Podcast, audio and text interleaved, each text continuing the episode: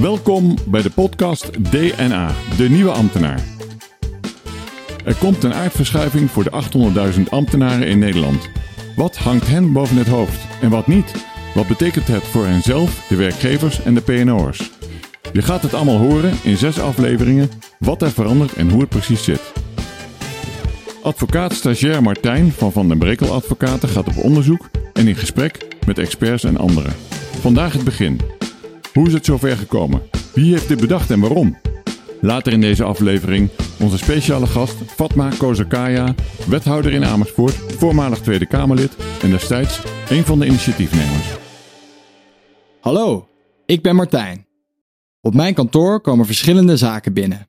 Zaken in het arbeidsrecht en zaken in het ambtenarenrecht.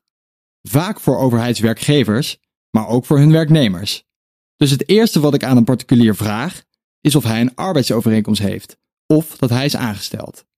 Dat maakt een wereld van verschil voor de toepassing van regels en termijnen. Vanaf 1 januari 2020 hoef ik dit niet meer te doen. Dit is het gevolg van de invoering van de WNRA. Wet, normalisering, rechtspositie, ambtenaren. Dat is een hele mond vol, dus ik ga het lekker houden bij de WNRA. In de komende afleveringen ga ik uitzoeken wat deze wet allemaal teweeg brengt. Wie worden hierdoor beïnvloed? Hoe moeten de werkgevers, ambtenaren en PNO'ers zich aanpassen? Kortom, wat gaat er veranderen en wat niet? Om deze verandering goed te begrijpen, moet er namelijk een aantal zaken duidelijk worden. In de komende afleveringen gaan we het hebben over de arbeidsovereenkomst, ontslag, procesrecht en meer. Maar laten we deze eerste aflevering beginnen bij het begin. Wat is de WNRA nou precies en wat zijn de beoogde doelen geweest van de invoering van deze wet? Dat roept bij mij als jonge advocaat weer een hele hoop nieuwe vragen op. Wat zijn de persoonlijke drijfveren geweest van de initiatiefnemers? Want daarvoor zullen we ook naar het verdere verleden moeten kijken. Wat is überhaupt de reden geweest dat er een splitsing bestaat tussen de rechtspositie van de ambtenaar enerzijds en van de werknemer anderzijds? Waarom is de tijd nu aangebroken? Maar je hoort het al, ik stel hier nu veel te veel vragen. De echte antwoorden komen natuurlijk van experts. Mijn vaste prik voor informatie is, zoals bij elke jonge advocaat eigenlijk, zijn patroon. Voor mij is dat Marion van den Brekel, specialist, arbeidsrecht en ambtenarenrecht en veel bezig met de gevolgen van de WNRA.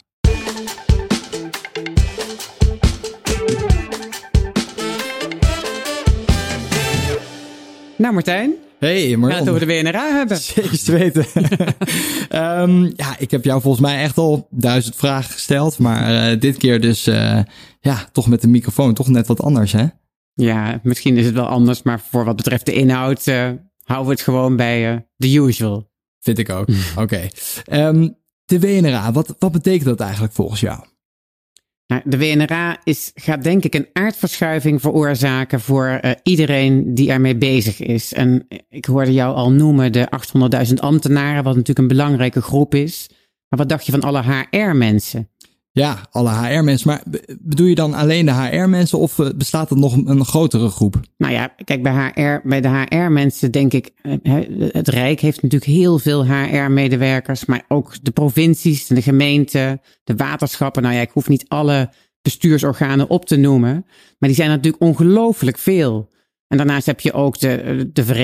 Je kent de vereniging Ambtenaar en Recht, maar ook de VAAN en alle andere arbeidsrechtsverenigingen. Die zijn er ook allemaal heel erg druk mee bezig. En de universiteiten, je hebt natuurlijk hoogleraren die, eh, die met, het, eh, met de WNRA bezig zijn. Dus je merkt in de praktijk dat steeds meer mensen zich daar eh, druk over gaan maken. En dat vooral ook de overheden in toenemende mate ja, goed voorbereid willen zijn. Nou ja, dat wil ik ook en dat wil jij ook, hè Martijn? Zeker, zeker. Dus ik denk eh, dat we eh, dat ook gaan doen. En ik denk dat het vandaag eh, van groot belang is om vooral in te gaan op de waarom-vraag. Ja, de WNRA, om, om die goed te kunnen begrijpen, zoek ik toch het antwoord op de vraag waar die splitsing tussen ambtenaar en werknemer nou eigenlijk vandaan komt. Waarom deze splitsing dan nu niet meer relevant is en waarom deze wet dan opeens de oplossing daarvoor zou kunnen zijn. Ja, ik vind het heel goed, Martijn, dat je dat eh, aanvoert, want het is eh, voor de meeste mensen, die gaan natuurlijk meteen naar de wet zelf kijken en vooral de gevolgen daarvan. Maar om een wet goed te kunnen begrijpen, moet je natuurlijk ook echt naar die achtergrond gaan kijken. En moet je die achtergrondvragen die je, die je net uh, opwerpt ook stellen. Dus je moet eigenlijk zeggen of bekijken met elkaar, waarom moest deze wet er nou komen? Nou, daar is echt ongelooflijk veel discussie over geweest. Hè, of dat nou wel echt nodig is geweest. Maar ook, en dat is ook een zorg geweest van veel ambtenaren, betekent dat niet dat de mooie ambtelijke status straks verloren gaat. Dus ook dat is misschien een onderwerp wat je aan de orde zou kunnen stellen. Zeker, goed dat je het noemt. Marion, ik ga ermee aan de slag en ik hou je op de hoogte. Prima, succes. Dankjewel.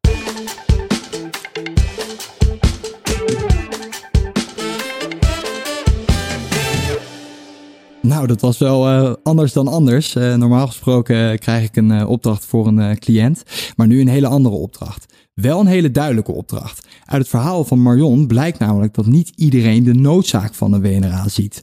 De bijzondere status van de ambtenaar is niet voor niets ontstaan. Is het ook niet zonde om deze mooie en bijzondere status te, te doen laten verdwijnen? Nou, wie anders kan die vraag beantwoorden als Fatma Kozerkaya? Daarmee ga ik vandaag in gesprek.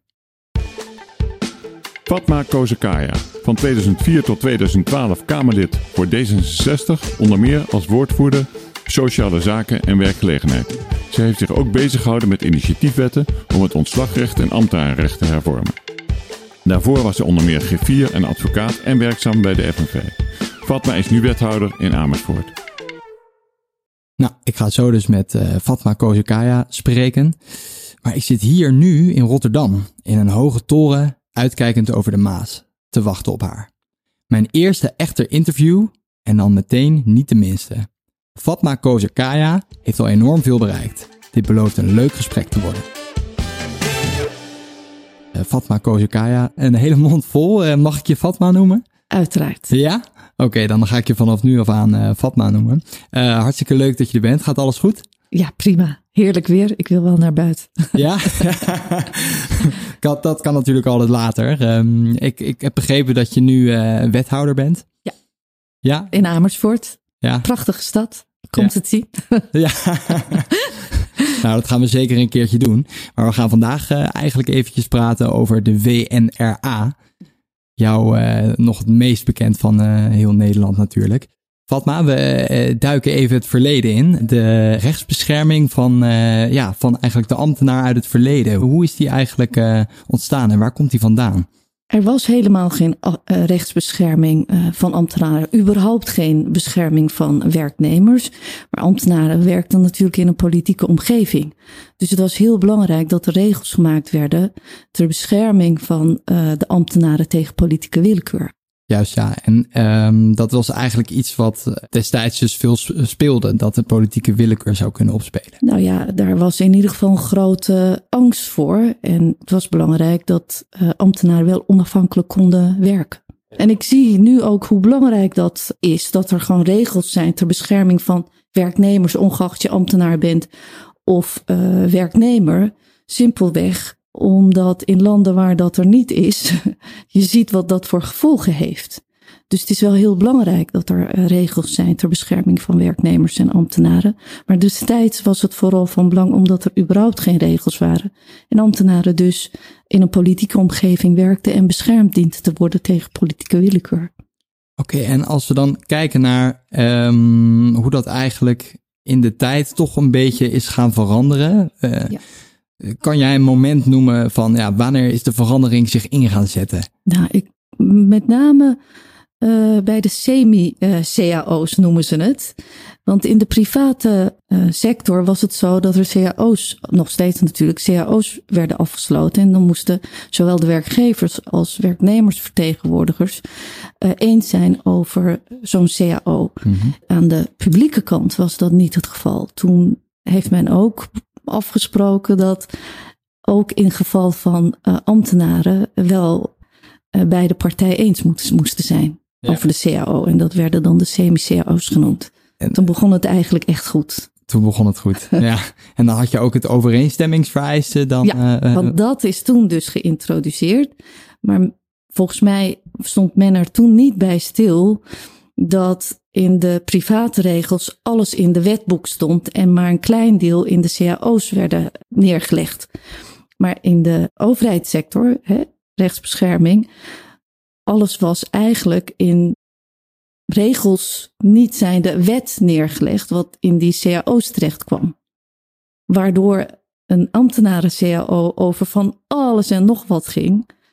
En dus heel breed, uh, omdat er heel weinig in de ambtenarenwet stond. Wat ook tot moeilijke situaties leidde.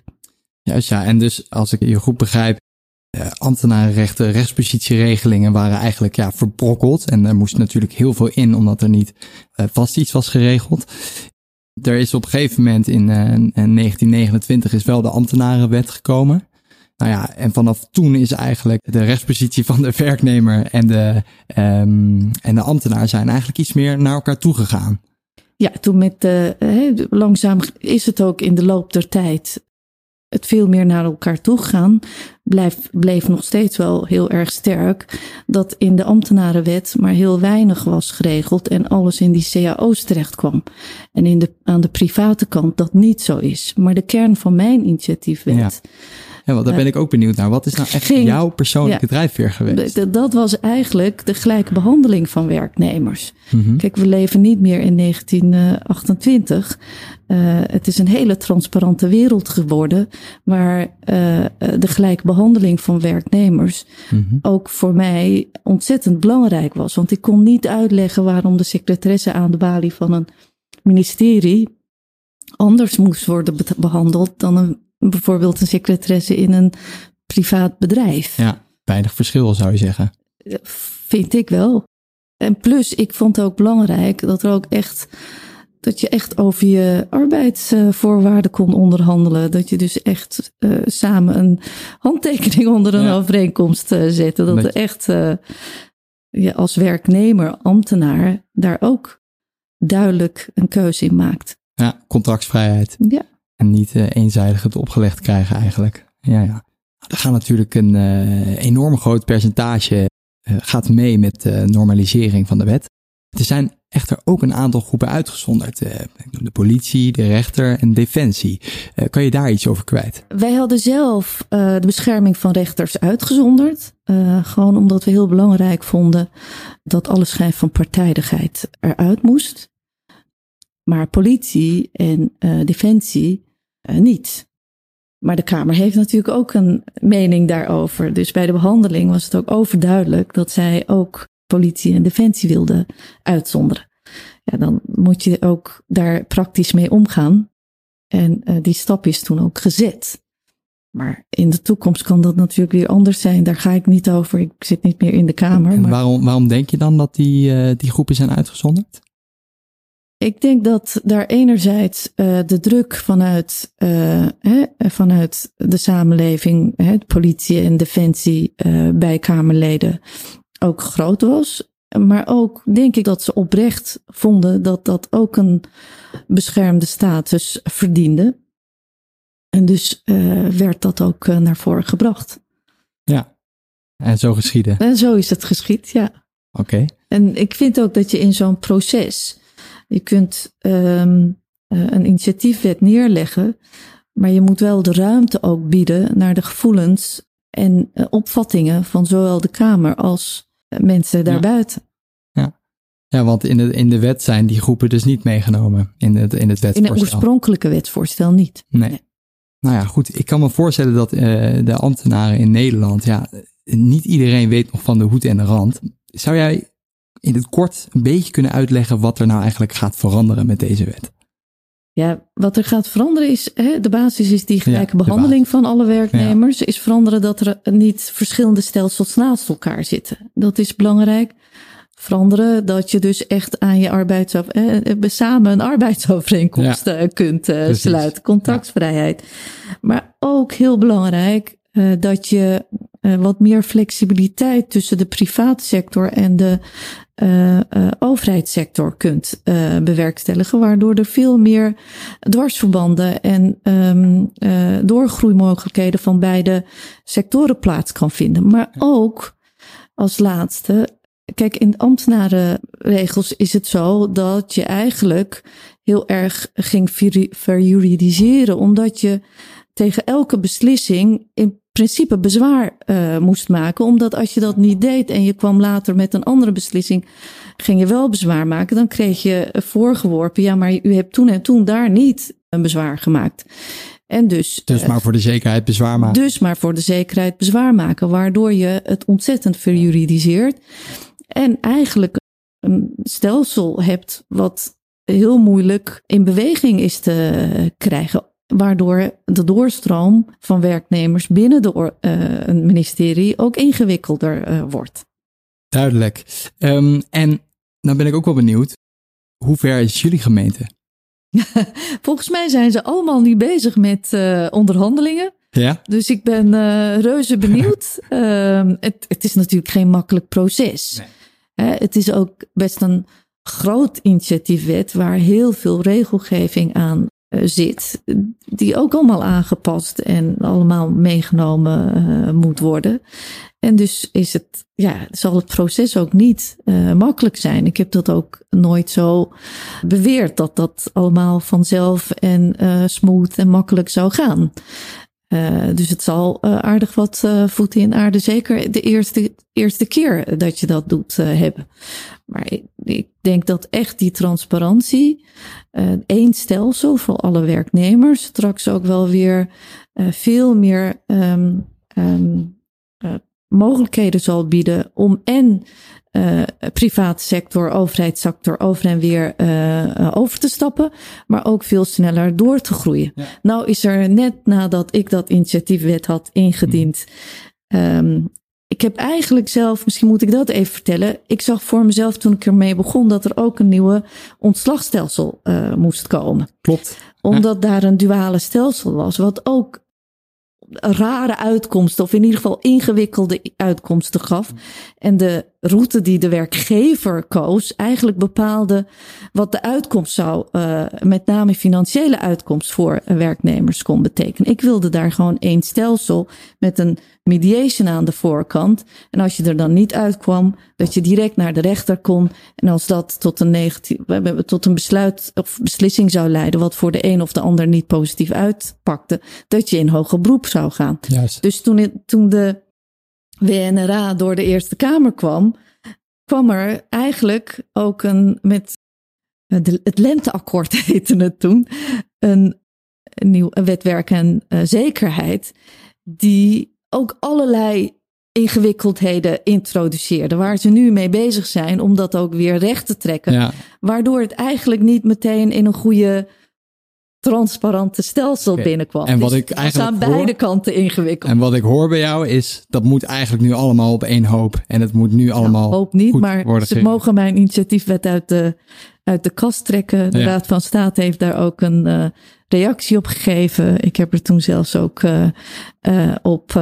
het stuk stond klaar. Mijn antwoord daarop gemaakt. Maar het kon niet naar buiten destijds, omdat hè, dat zijn de regels.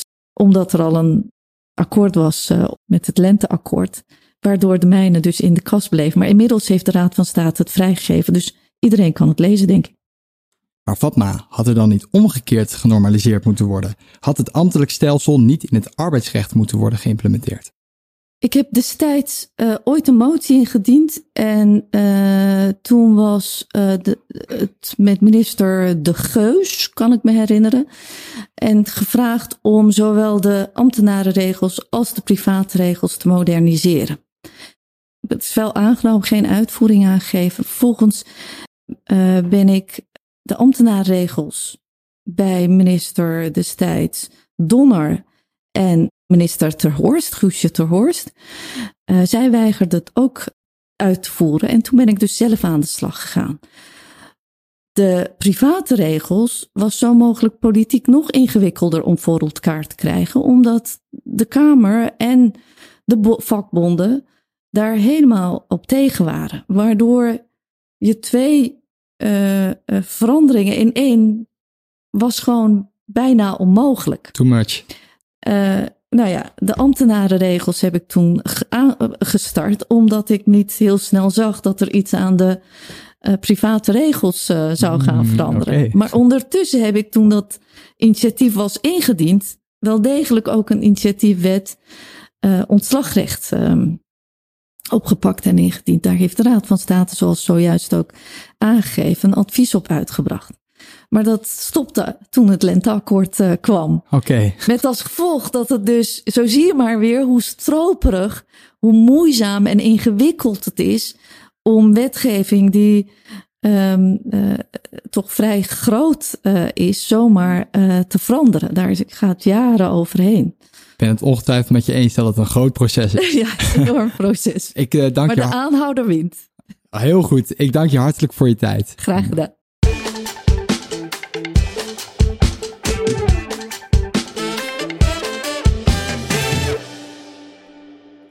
Dat was Kozakaya. Gelijkheid voor iedereen, dat is nogal een idealisme. Ondertussen is Marion stilletjes aangeschoven. Zoals je wel vaker checkt of ik wel aan het werk ben. Uh, Marion, wat vond jij ervan?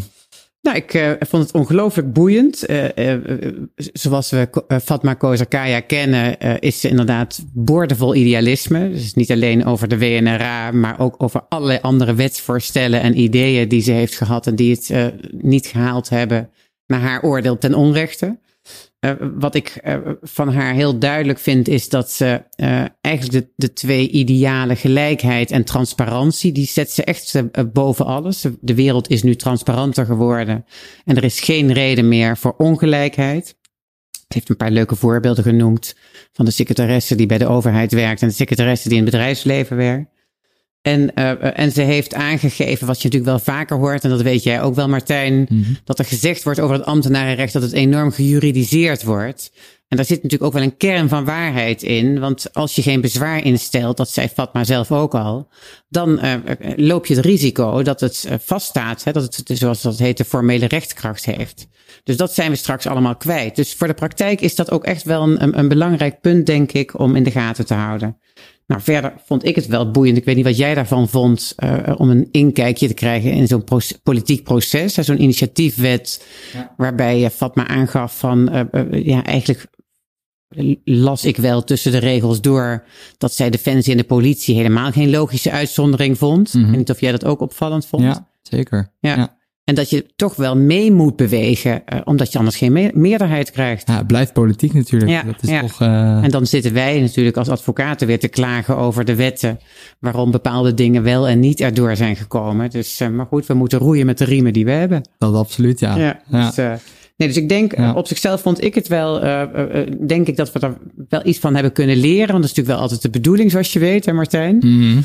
maar ik denk dat het, uh, dat het goed is om ons te realiseren, ook als we straks met de WNRA in de praktijk bezig zijn, Uh, is dit nou echt gelijkheid? Dat moeten we uh, ook in een van onze volgende afleveringen, zeker als het gaat over de cao's, moeten we dat denk ik ook in de gaten houden. Maar is dit inderdaad nu zo dat de werknemers en de ambtenaren, want het blijven ambtenaren, hè, dat is belangrijk om te weten, is het, zijn die nou straks echt gelijk? Dat is wel een thema, denk ik, wat in al onze afleveringen terug zal komen. Oké okay, Martijn, nou je hebt ervoor gekozen om uh, uh, het verleden in te duiken. Dus je hebt uh, Fatma geïnterviewd. Ja. En ik ben heel benieuwd, wat heb jij ervan geleerd? Ja, nou ik denk ten eerste, um, volgens mij is het echt duidelijk geworden dat de WNRA toch wel echt noodzakelijk is. Het is een noodzaak dat die er moet komen. Ten tweede, wat mij ook is opgevallen, is dat zo'n wetgevingstraject eigenlijk heel ingewikkeld is. En met name als het gaat om een grote wet die er doorheen moet. Er moet, ja, er zit van alles omheen. En ten derde, wat jij eigenlijk ook al noemde, het draait voor een heel groot deel om gelijkheid. Ja, ja nee, dat is, ik denk dat je dat goed hebt samengevat. Alleen is het wel zo, en dat hoorde je Fatma ook al zeggen. Amersfoort is er ook heel erg druk mee bezig, de gemeente waar zij wethouder is. Uh, iedereen is er heel druk mee bezig. Dat is wat wij natuurlijk ook in de praktijk merken. Dus de hele operatie, en dat heeft, dat heeft Fatma zich ook wel gerealiseerd. Ze zullen er misschien niet allemaal haar heel dankbaar over zijn. De hele operatie is natuurlijk enorm. Dus als wij het nu over onze podcast hebben, wat moeten wij nou straks als volgende aflevering? Welk onderwerp gaan we doen? Ja, ik denk wat, wat denk ik van belang is, is om, ja, de grote verandering is toch eigenlijk wel dat ja, de mensen die voorheen een aanstelling hadden, nu opeens een arbeidsovereenkomst krijgen. Dus ik denk dat we, ja, dat het wel een goed, uh, ja, goed onderwerp bij is. het begin begin. Ja, om daarop vind het, uh, te zoomen. Vind ik een mooi onderwerp. Dat is uh, prima. Ga jij daar de voorbereidingen voor treffen? Ik, ik ga weer op onderzoek uit. Goed zo, de jonge onderzoeker. Juist. hebben het nu de hele tijd over de WNRA. Maar om te bekijken hoe erg dit onderwerp speelt, zoom ik elke aflevering in op een nieuwsbericht. Dinsdag 16 april 2019. De Eerste Kamer aanvaardt de aanpassingswet WNRA. Opvallend aan deze aanpassingswet is dat het onderwijs er niet in is meegenomen. Daarvoor staat een aparte invoeringswet in de planning.